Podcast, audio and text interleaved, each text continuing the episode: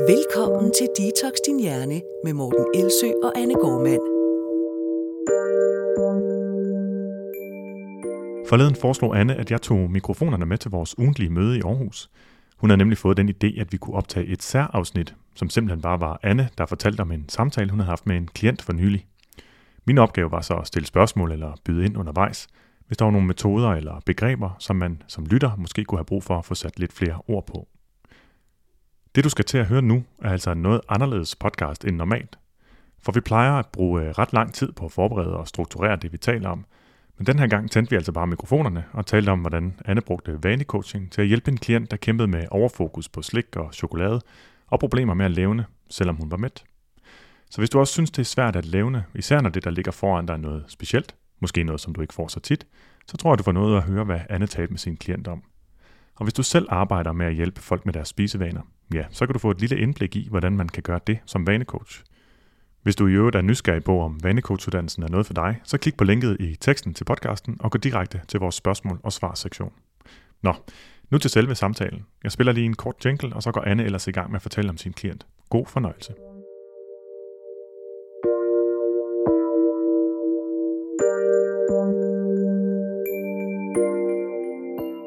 Jeg havde en øh, klient før jul, som øh, har haft sådan et meget, meget fortryllet forhold til mad, til mad, men faktisk især slik og søde sager. Og øh, da hun henvendte sig til mig, der havde hun sådan øh, kommet ind i et mønster, hvor hun konstant søgte noget sødt. Mm. Øhm, og hun går derhjemme meget af tiden, så det kan hun jo gøre praktisk talt hele dagen. Og øhm, så kan man, der, der er mange, der tænker, jeg skal ikke gå i gang med et eller andet forløb inden jul. Men det er faktisk et fantastisk tidspunkt at øve sig på. Fordi der er så mange af de risikosituationer, vi havner i, som, øh, ja, som jo er til stede der. Mm. Så øh, det tema, vi skulle snakke om, var selvfølgelig alle de her søde sager, og så i forhold til julen, hvordan i alverden skal jeg navigere i det. Og hun havde for, for eksempel sådan nogle skumjulemænd, som af en eller anden grund er der rigtig mange, der er helt vilde med dem. Det har jeg i hvert fald hørt mange gange. Det har jeg også øh, oplevet også fra klienter. Jeg synes også selv, de er gode, men, øh, men det der er mange, de der taler om dem som noget helt særligt. Ja. Og sæsonbetonet også. Ja, men jeg kan også godt lide dem. Men, øh, men for hende var de bare blevet sådan helt hyperspecielle. Øhm, og det jeg sagde til hende, det var, at vi kan arbejde med noget, der hedder affortryllelse. Altså hvor vi prøver at se, om den forestilling, du har om skumjulemænd, om den også matcher virkeligheden. Og det, det normalt gør, det er, når man opdager, at det ikke måske er så magisk og så fortryllet, som man troede, så smitter det af på, øh, på de andre ting. Altså så begynder man simpelthen at opleve andre søde sager på en anden måde. Ja. Ikke nødvendigvis efter en session, men sådan faktisk på ret kort tid. Så når du taler om, at noget der er fortryllet, hvad Mm. mener du så? Altså at øhm, for eksempel skumjulemænd kan have sådan et magisk skær omkring sig, fordi det er noget, man forbinder med jul. Mm. Gode minder. Øh, duften kan minde en om gode minder. Og så er der det her forbud, altså at de er blevet forbudt. Jeg må det ikke, det er forkert. Øhm, jeg må ikke spise søde sager. Og jo mere noget bliver forbudt, jo mere spændende bliver det. Mm. Så, så der er en del af magien, og så også det her med, at det er sjældent, fordi ja. der er jo ikke skumjulemænd på hylderne i øh, juni. Der er godt nok øh, alt muligt andet skum, men lige præcis dem er der ikke. Så der er sådan den her tidsafgrænsning, den her Ja. knaphed omkring, okay, jeg kan kun få det nu, så Og, og det er noget af det, som sætter det op på den pedestal, som man også kan kalde det, hvor man ser det som noget helt særligt. Ikke kun fordi man selv opfatter det som tidsafgrænset, men også at man virkelig tror, det smager fuldstændig fantastisk, og øh, man føler, at øh, hvis man først går i gang med det, så kan man ikke stoppe. Det vil rigtig tit være noget, der hænger sammen med. Men, men mere den fortryllede øh, effekten, eller en øh, fornemmelse af, at det er fortryllet, altså en fornemmelse af, at det er fuldstændig fantastisk. Og det er der slet ikke nogen tvivl om. Altså det smager så godt, og føles så godt, uanset hvor mange man spiser af den. Det må være sådan fortryllelsen egentlig, men som kommer af det, du taler af. ja, jo, jo helt klart. Øhm, og det vi så gjorde, det var, at vi lavede en øvelse, som vi så bagefter lavede et vanemål for, hvordan hun skulle håndtere bagefter. Og det kommer jeg tilbage til. Men øh, den øvelse, vi lavede, lavede vi så med de her skumjulemænd, som jeg havde købt. Og så sidder vi med dem, øh, og jeg beder hende om at finde sin sådan objektive side frem. Altså hvis hun forestillede sig at spise skumjulemænd hele året, hver dag, resten af sit liv, at det ligesom bare var noget, der var der konstant. Og at hun måske endda arbejdede på sådan en, øh, en slikfabrik, hvor hun hele tiden vurderer forskellige typer af slik. Så prøv at finde de ting frem, der er sådan, hvad er egentlig knap så fantastisk ved det her? Hvad bemærker jeg sådan helt objektivt omkring farver og form og konsistens? Øh, hvilke nogle associationer får jeg, som måske ikke er så fantastiske? Og hun siger så, det gør jeg lidt kort, fordi det, det er jo bare sådan en del af introen her, men hun siger til sidst igennem, efter vi har lavet den her øvelse sammen, jeg bemærker, at de er meget sådan seje, mere end jeg troede. At de minder mig faktisk rigtig meget om sådan nogle squishier, de der børnelegetøj, som er sådan noget sejt skum. Mm. Øhm, jeg troede, de lugtede af jordbær. De lugter af de mest syntetiske karameller, så nogle jeg kan huske, vi engang har købt i Tyskland, som bare lugter af, jeg ved ikke, altså sådan noget rengøringsmiddel eller sådan noget. Det er det, de lugter af. Er det parfumeret nærmest? Meget. Det var faktisk det ord, hun brugte. Meget sådan stærkt parfumeret. Øhm, den er lyserød på en ikke særlig julet måde. Det er sådan en Barbie-lyserød, faktisk. Og, øhm, og efter vi havde spist et par stykker, så var jeg sådan, Gud, jeg ved ikke, hvorfor jeg har, jeg ved ikke, hvorfor jeg har været så vild med dem. Mm. Det kan jeg faktisk ikke forstå. Og da vi så var færdige med den her øvelse, øhm, så gjorde vi det, og det er noget, vi generelt gør i vanecoaching, det er, at vi sætter et mål ind til den næste session, hvor man øver sig på at bryde nogle vaner. Og i det her tilfælde var det jo så vanen omkring pedestaltænkningen, og det mm. her med at få lidt mere ro på omkring søde sager. Øhm, så jeg spurgte faktisk ind øhm, til hendes motivation for det først, for at få en fornemmelse for, hvad kunne det betyde på sigt, hvis det har blevet en del af hendes liv. Altså hvad der skulle kunne drive hende altså faktisk til at gøre det ja. nye, som hun havde sat sig for, ja. i stedet for at fortsætte, som hun plejer. Ja. ja. Og øh, der spurgte jeg ind til, så hvis du forestiller dig bare den nærmeste fremtid at gå igennem julen, hvor at du har fortalt før, der er det sådan, der er slik alle vegne, det er ikke til at kontrollere.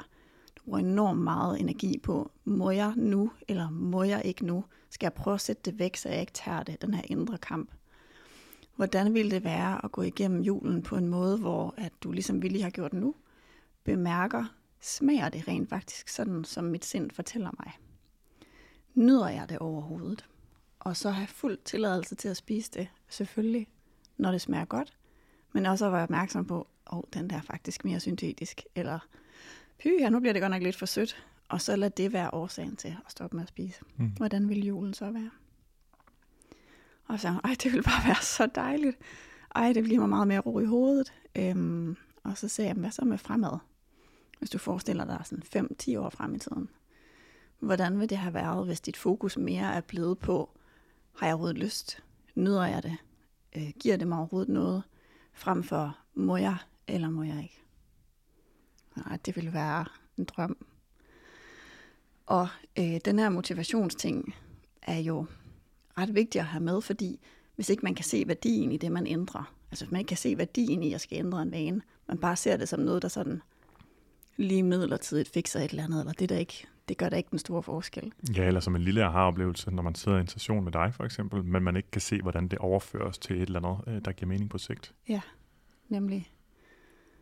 Og øhm, så gik vi faktisk lidt videre fra den her motivationsdel, og det altså grund til, at vi overhovedet skal spørge ind til motivation, er selvfølgelig, at vi skal være sikre på, at, at der også er noget motivation for selve vanen. Mm. At det ikke bare er, om jeg ønsker mig bare et bedre forhold til mad, eller jeg ønsker, at det skal være nemmere, at min kropsvægt ikke skal øh, stige og falde hele tiden.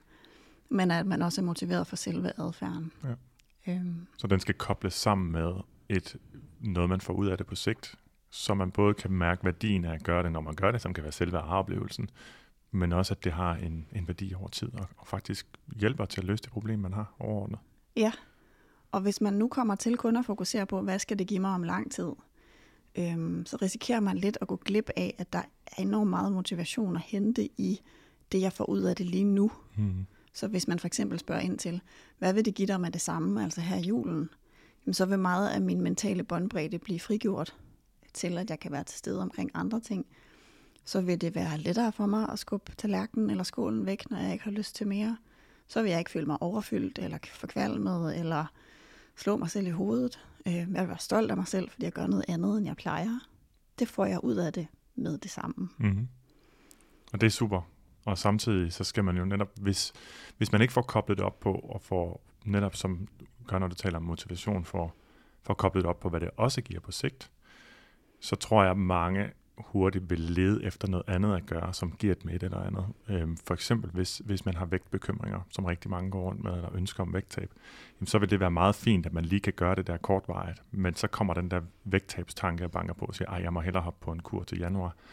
Men hvis man har fået fornemmelsen af, at hvis jeg øver mig i det her, og bliver bedre og bedre til det i flere og flere situationer, jamen så er alle de kurtanker, der normalt dukker op, de er slet ikke nødvendige. Fordi nu veksler jeg ikke mellem at forbyde mig selv noget, og så overspise det, fordi det er kommet op på en pedestal eller blevet fortryllet.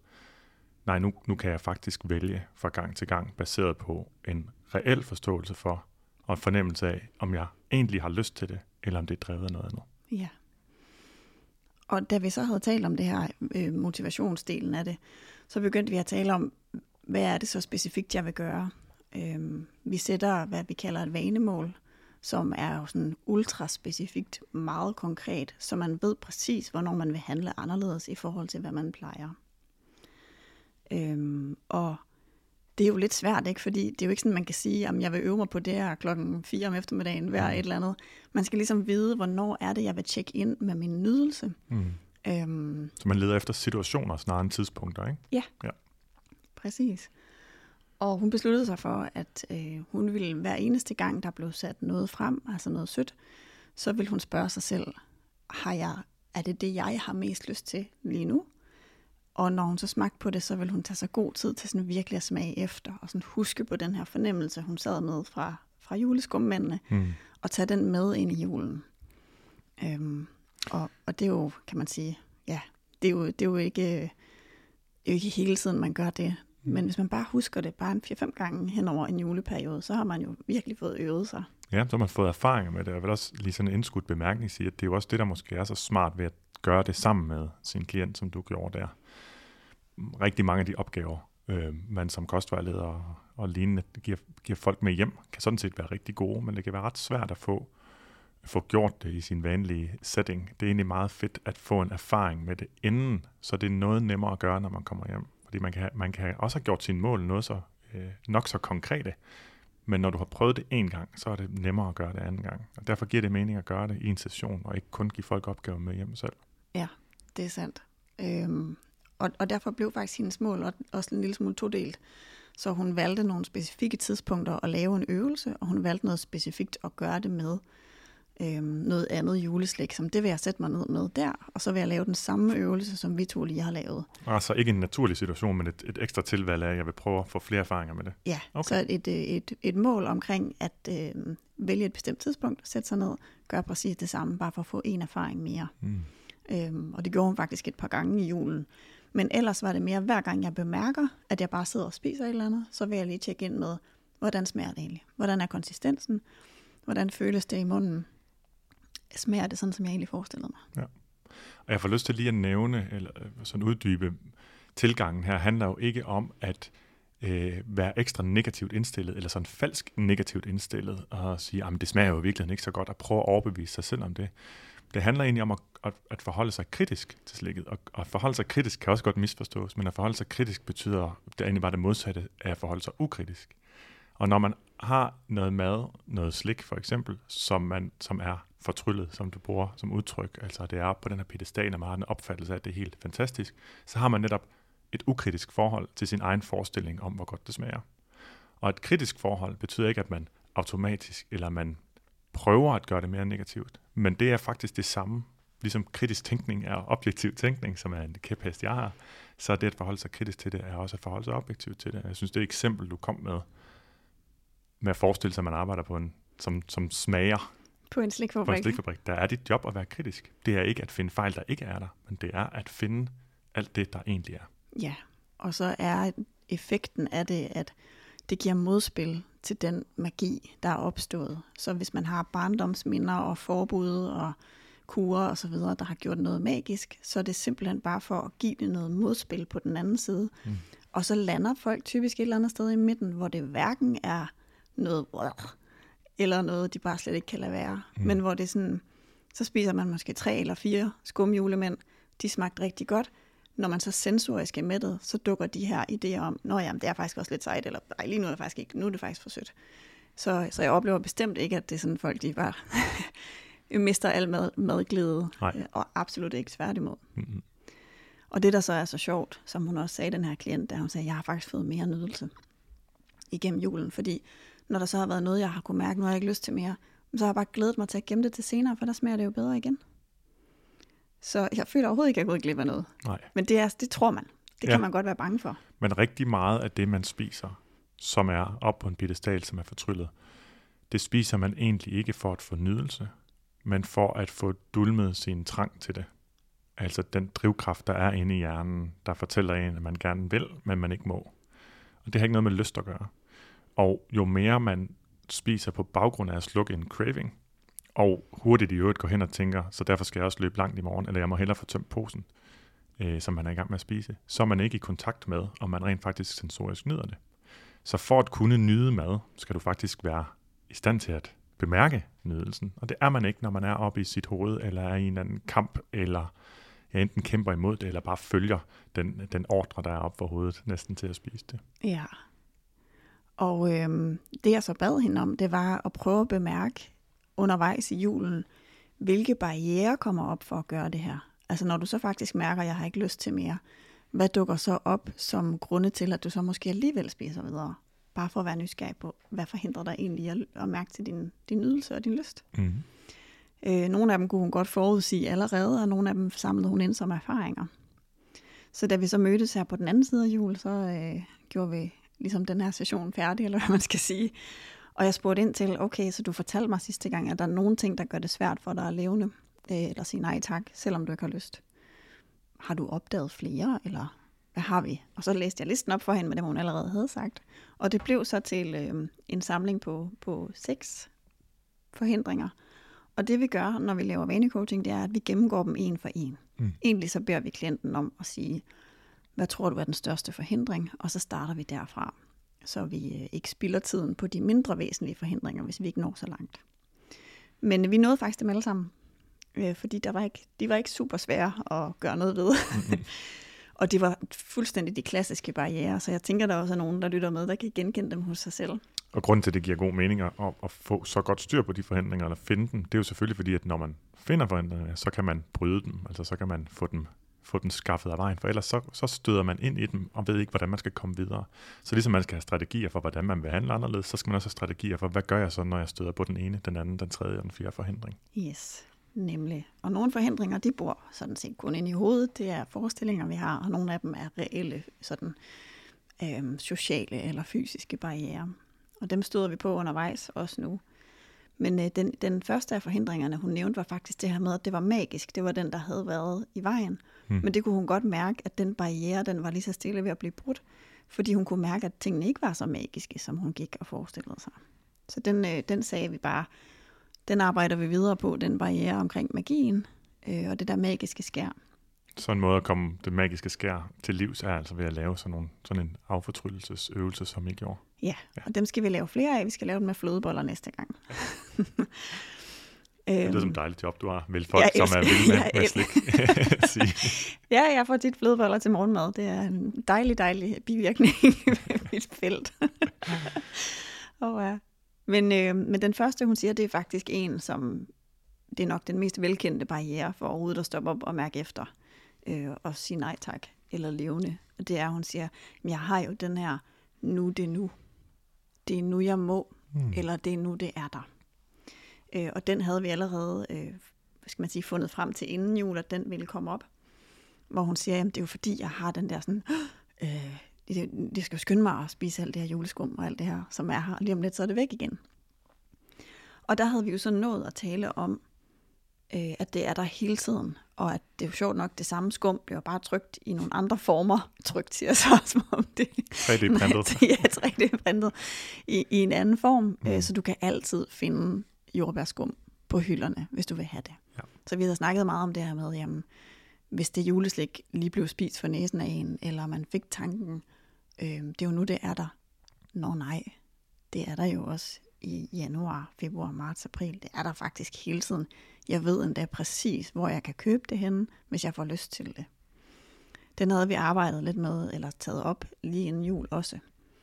Øhm, og der sagde hun så efter jul, at hun havde opdaget i forhold til den her barriere, at hun fik den her tanke med, jamen det er jo en fordel at gemme det senere. Altså det er jo en fordel, fordi jeg får mere ud af det. Og nu var det tilgængeligt hele tiden. Det dukkede simpelthen op i hendes tanker i løbet af julen.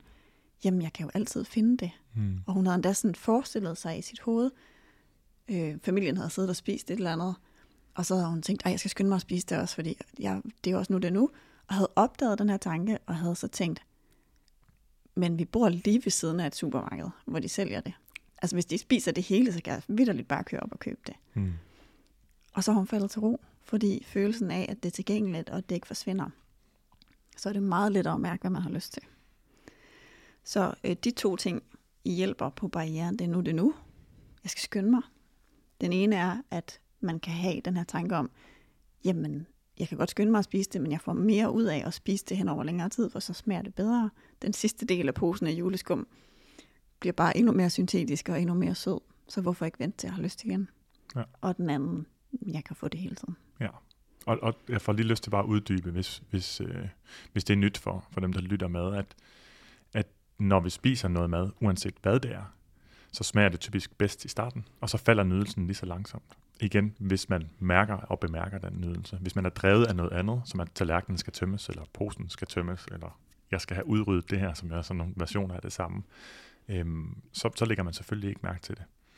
Der var en artikel engang, jeg tror endda, det var i Illustreret Videnskab eller et eller andet, hvor de påstod, i, det var noget, noget om sukkerafhængighed, så var der masser af forkerte påstande deri, og der påstod de også, at jo flere øh, vingummibamser man spiser, jo flere får man lyst til. Så det er simpelthen noget vrøvl. Øhm, fordi vi ved, at rent sensorisk, så bliver man mættet. Det gør man både øh, på dufte, og det gør man også på smage, og sådan set også på tekstur, for den sags skyld. Så jo mere man spiser af en ting, jo mindre lyst har man egentlig. Så lysten og nydelsen, den falder altså undervejs, hvis man bemærker den. Og det betyder så, bare for at koble det sammen med det, du siger, at hvis man bemærker, at nydelsen falder, og man så gemmer og stopper med at spise der, og så har det på et andet tidspunkt, men så vil lysten til det være steget i mellemtiden, og så får man igen høj nydelse ud af det. Ja. Yes. Jeg var ikke sikker på, at det var udpenslet. Det kan godt være, at det gav mening i forvejen. Det giver i hvert fald rigtig god mening lige at få det med, fordi hvis man overhovedet ikke har hørt om det før, så virker det nok lidt øh, som noget mærkeligt volapyk. Jamen, det var det, det, var det jeg tænkte.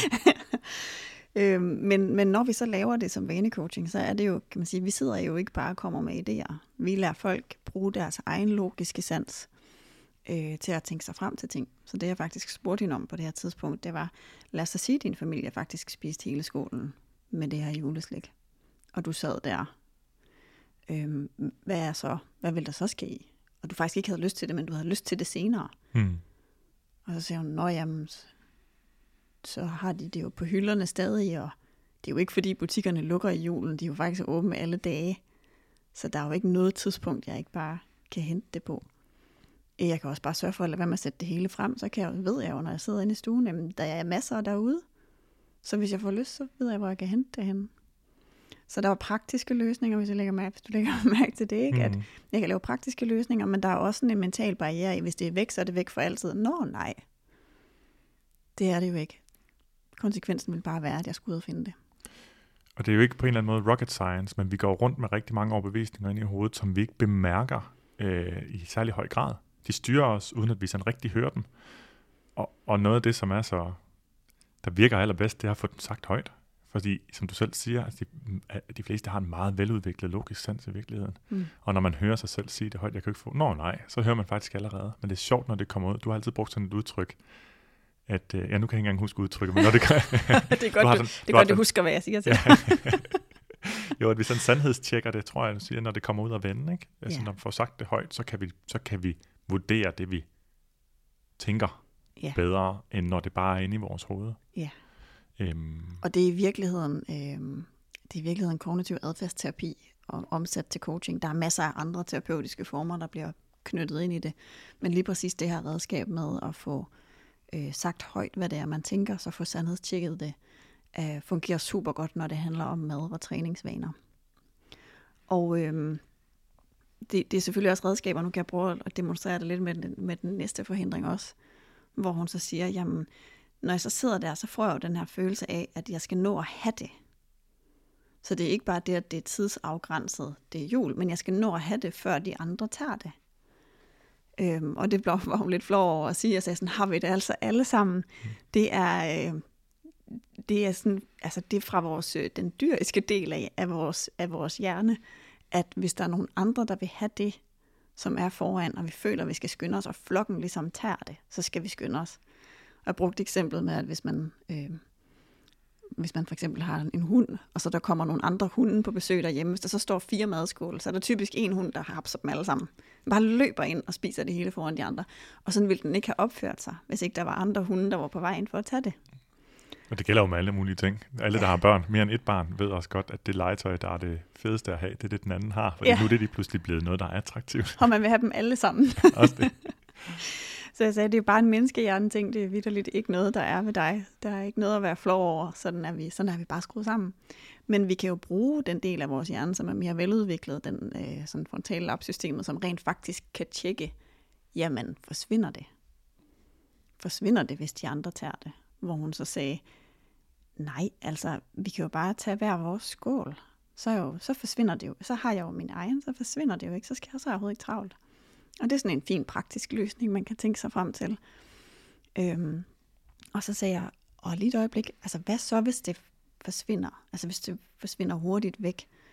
Øhm, og så sagde hun, jamen det er jo også lidt fjollet, fordi egentlig så, så har jeg jo opdaget, at det faktisk bare er to-tre stykker, så er jeg tilfredsstillet. Mm. Altså min, mit behov for, for noget sødt er faktisk slet ikke særlig stort. Så jeg vil jo egentlig hellere vise storsind og være bare sådan, jamen tag I bare for jer. Ved du hvad?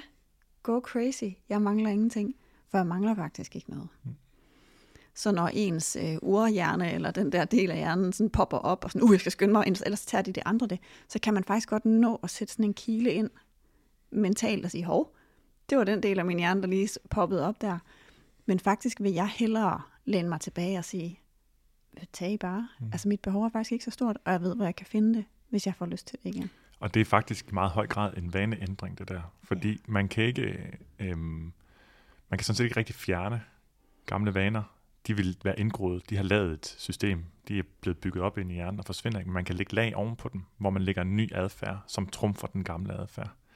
Øhm, og det er noget, man kan se udad til nogle gange, men nogle gange er det også bare noget, der sker inde i hovedet. For det er også en slags adfærd at nu kom den tanke helt automatisk, for den er fuldstændig indgroet i en automatrespons. Men nu, jo mere jeg øver mig på bagefter, så tænker jeg, hov, der kom den tanke, som i virkeligheden ikke gælder, eller som ikke passer. jo mere bliver den så også en automatrespons, som ligger ovenpå den gamle vane. Den forsvinder ikke nødvendigvis. Det gør den ikke overhovedet. Nej. Den kan blive minimeret, men så kommer der altså noget nyt, som trumfer, eller som, som overruler. Ja, og på et tidspunkt, så vil man opleve sig selv, at 9 ud af 10 gange, så lader man bare folk øh, gå amok i de der skåle, og så en ud af 10 gange, så falder man tilbage i det gamle mønster, hvor man overfalder skålen, og så først opdager bagefter, hov, det var fordi, jeg var bange for, at det skulle forsvinde. Det havde ikke noget at gøre med, at jeg havde mm. lyst til det. Nej.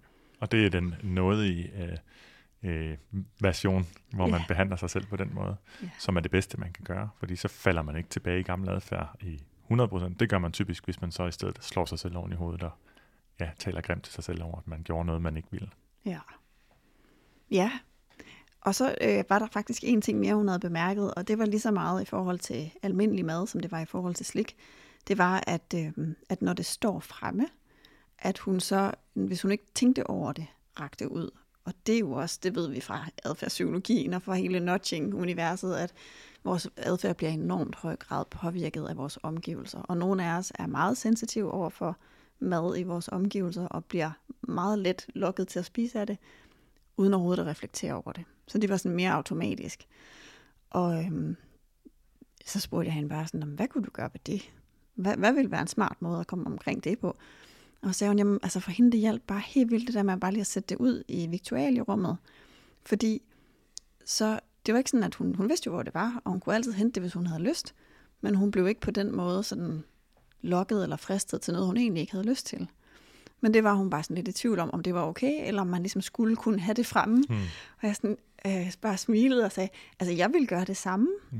Øh, det er jo bare en bevidsthed om, at vores, vores omgivelser påvirker os. Hvis min telefon ligger lige ved siden af mig, så tager jeg jo også den op. Hvis jeg lægger noget i tasken, det er jo ikke fordi, den er blevet forbudt. Det er bare, så er det ikke bare det første, jeg gør. Nå ja, siger man så. Det er jo det er da også rigtigt. Altså, det er jo en del af et mere bevidst levet liv, i stedet for et impulsstyret liv, kan man ja. sige, sådan for at tage den lidt op på en højere klinge. Men, ja. men jeg synes, den der telefoneksemplet er rigtig godt. Det vil ikke øh, fungere for de fleste, at den bare var tilgængelig hele tiden, fordi vi, vi når at gøre det, inden vi når at tænke os om.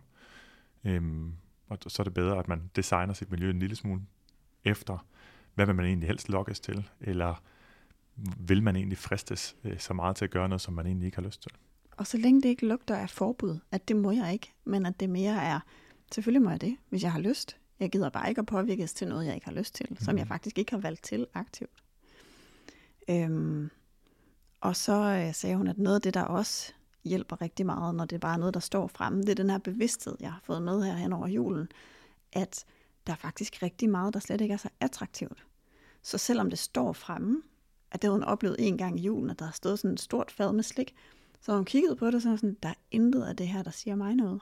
Så normalt ville jeg bare have kørt det ind øh, i, nærmest i kinderne og bare spist en masse. Men jeg nåede faktisk at registrere, der er faktisk ikke noget af det her, der er attraktivt for mig. Jeg har ikke lyst til det.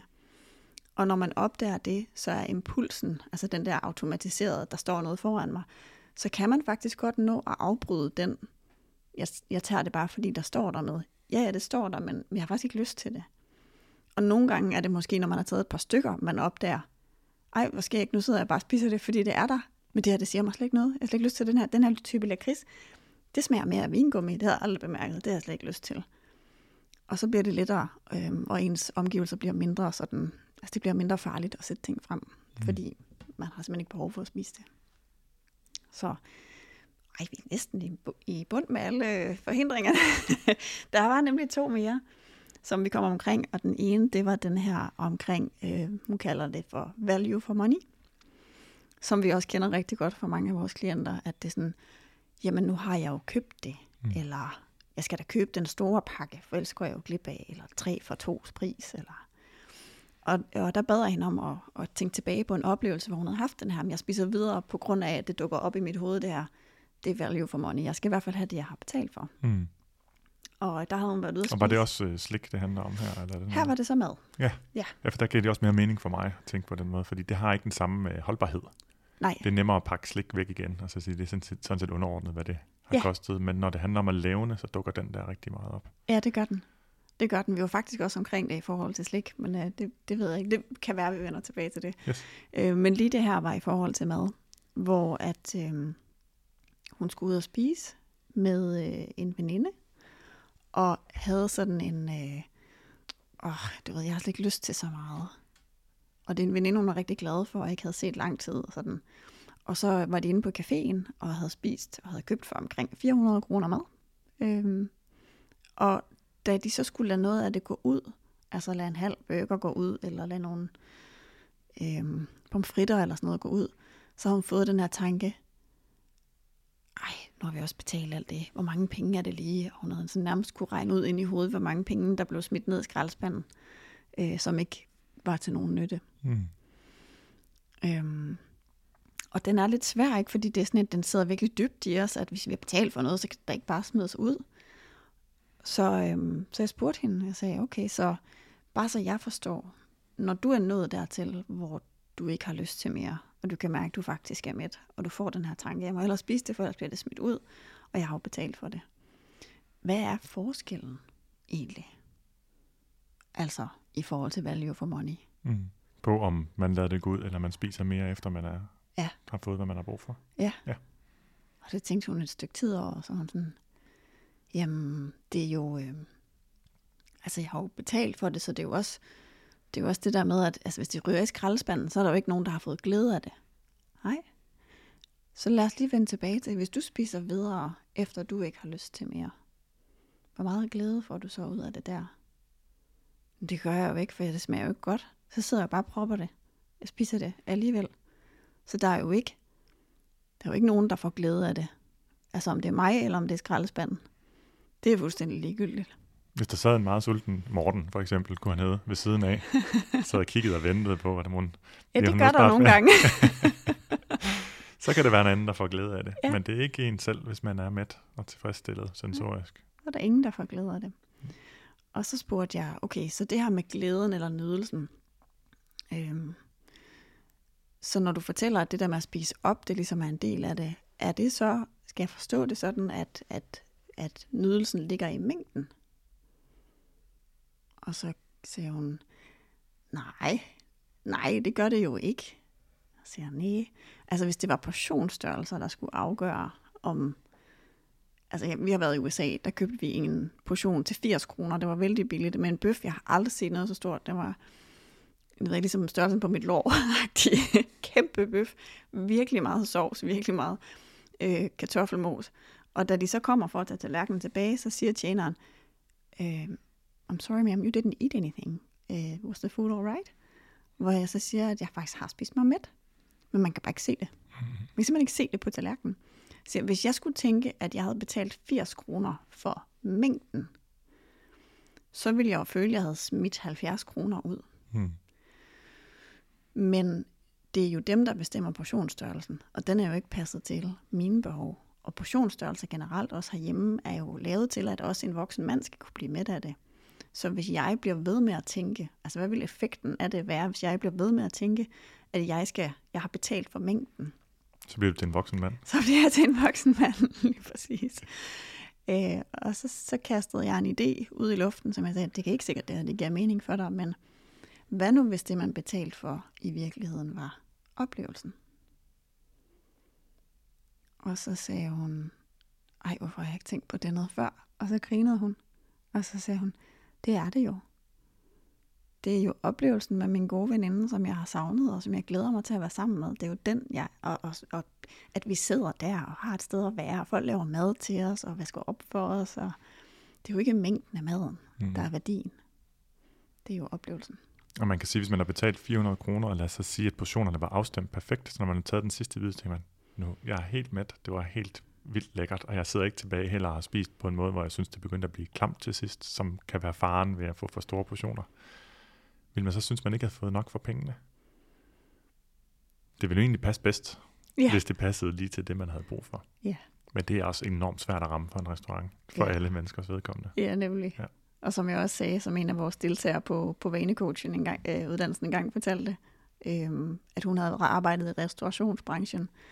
Og det der jo er, det er, at restauranterne skal betale for den mængde skrald, de sender væk. Så hvis, hvis øh, alle de her, der sidder og spiser, rent faktisk stopper med at spise, når de ikke har behov for mere, ikke har lyst til mere, øh, i stedet for at proppe sig, så får de et problem i forhold til at skulle af med affaldet, og så begynder de at tænke over, hov, vores portionsstørrelser er da vist for store, og så retter de det jo til. Så i forhold til ja, madspil for eksempel, så er det jo ret vigtigt, at vi ligesom alle sammen står fast på, at jeg har faktisk ikke brug for mere nu, og så viser restauranterne, at det er sådan, det er. Mm. Og det var faktisk hendes sidste barriere, det var madspil, som vi kom omkring der. Øh, og udover det her med at tænke på det som, jamen hvis jeg bare spiser op, så, er det jo ikke, så lærer verden jo ikke noget af det. Øh, så sagde hun også, at det er også fordi, jeg har den her følelse af, at hvis det er, hvis ikke jeg drikker sodavanden, der er til overs for julen, eller hvis ikke jeg spiser resten, der er på tallerkenen, så er der jo ikke nogen, der får glæde af det. Øh, Og der vendte vi tilbage til den her skraldespandstanke om, jamen hvad er egentlig forskellen, om du hælder sodavanden ud i vasken, eller om du hælder den på dig selv, hvis du egentlig ikke har lyst til sodavand nu. Egentlig hellere vil have vand til måltidet, men ligesom drikker det, fordi det er der. Mm. Og fordi det skal bruges op, fordi den er alligevel åben. Og så sagde hun, jamen, jeg får jo ikke noget ud af det. Altså, der, er jo ingen, der er jo ingen forskel, om jeg hælder det i det ene eller det andet rør, hvis jeg ikke har lyst til det eller brug for det. Madspillet starter jo faktisk i indkøbssituationen. Mm. Så hvis jeg er bange for madspil, så er det min indkøb, jeg skal kigge på. Det er jo ikke, hvad jeg vælger at spise og drikke derhjemme. Og bare den indsigt, øh, altså det er jo sådan en, der vil smitte af, Ja. også fremad. På hver eneste gang, man køber ind, så vil man være mere bevidst om, det er bedre, at jeg køber lidt for lidt. Øh, og når man så er kommet til at begå fejlen, kommer hjem, tænker, hej, vi skal også spise det op, så kan man nå at bremse sig selv og sige, vi har hverken lyst til det eller brug for det. Mm. Så, men fejlen skete henne i indkøbscentret. Så man kan notere sig igen, at øh, Ja. vi købte faktisk for meget. Det skal jeg være ops på næste gang. 5 liter var mere, end vi havde brug for, eller hvad det nu var. Ja. ja. Og jeg kan altid købe mere, det er bedre. Jeg var til julefrokost med min kones fars familie. En lille flok på 37 mennesker her i anden juledag. Og det var øh, også med catering, eller hvad man nu kalder det, i hvert fald mad udefra. Og hende, der holdt det, hun sagde, jeg har igen købt til endnu færre kuverter. Vi var 3700 købt til 14. og der var masser af mad tilbage.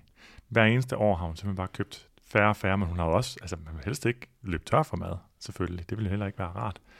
Men det er helt vildt, hvor meget der egentlig var. Og hvis man følte, at man skulle prøve at få det hele spist, det ville være helt absurd. I stedet for har hun netop gjort det andet, at hun overfor sig, okay, vi får simpelthen meget mere mad, end vi skal bruge og skære fra. Så, øh, så, så det var jo en bedre respons på, på madspildstanken, end at forsøge at tvinge det indenbords. Ja, absolut. Absolut. Og øh, det var faktisk den sidste af alle de forhindringer, vi kom omkring. Øhm, og nu er der jo så øh, den næste session, vi har om et par uger.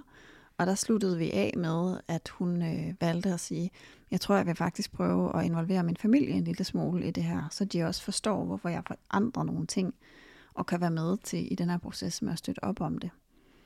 Og, øhm, og jeg vil fortsætte til næste gang vi ses med at bemærke, nyder jeg det? Har jeg lyst til det? Og hvis der kommer de her tanker i mit hoved øhm, omkring, at det er madspil, eller at det er value for money, eller at hvad tænker andre, eller alle de her tanker, vi, vi kan have været omkring, så vil jeg prøve at bemærke, om det er dem, der er grunden til at spise videre, og øve mig på at lytte mere til min sult og nydelse, end til den stemme, eller til de, til de barriere. Mm. Så det er det til næste gang. Så det var faktisk en helt vanlig coaching-session, ja. vi lige noget omkring der. Det kan selvfølgelig være på alle mulige andre vaner, ja. øh, skærm og søvn og alt muligt, men for mig er det jo så, mit, mit specialområde er jo så overspisning, så ja. derfor var det på det. Og det, man måske ikke bemærker så meget her, det er, at der er jo en struktur, og det er de trin, som, øh, som vanecoach-modellen egentlig øh, indeholder. Øhm, og her gennemgås den jo sådan ret øh, flydende, men, øh, men egentlig så er der nogle trin, som, som du ved, du gerne vil igennem, fordi du ved, at det sikrer, at der faktisk bliver gjort noget anderledes, når øh, din klient kommer hjem, så I har en erfaring at gå videre med øh, næste gang. Ja, og det man jo ikke kan høre, hvis man ikke ved det, det er, at der ligger en masse forskellige øh, adfærdspsykologiske teorier bagved, selvbestemmelsesteori, der ligger noget motivational interviewing, altså den motiverende samtale, der er noget kognitiv adfærdsterapi, øh, der er faktisk også noget act-inspiration og noget compassion. Mm. Men de, øh, de elementer, som er som den er baseret på, er jo det, der gør, at når man laver en session på den måde, der er baseret på det, så, øhm, så gør man også det, som, som hele forskningsfeltet omkring adfærdspsykologi har vist os, er det, der virker og gør en forskel.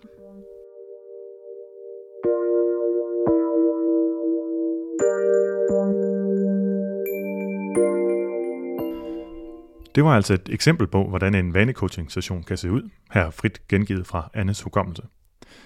Vi valgte at lave den her særepisode, fordi vi jo har nævnt vanecoaching mange gange her i podcasten, men vi har aldrig rigtig uddybet, hvad det går ud på.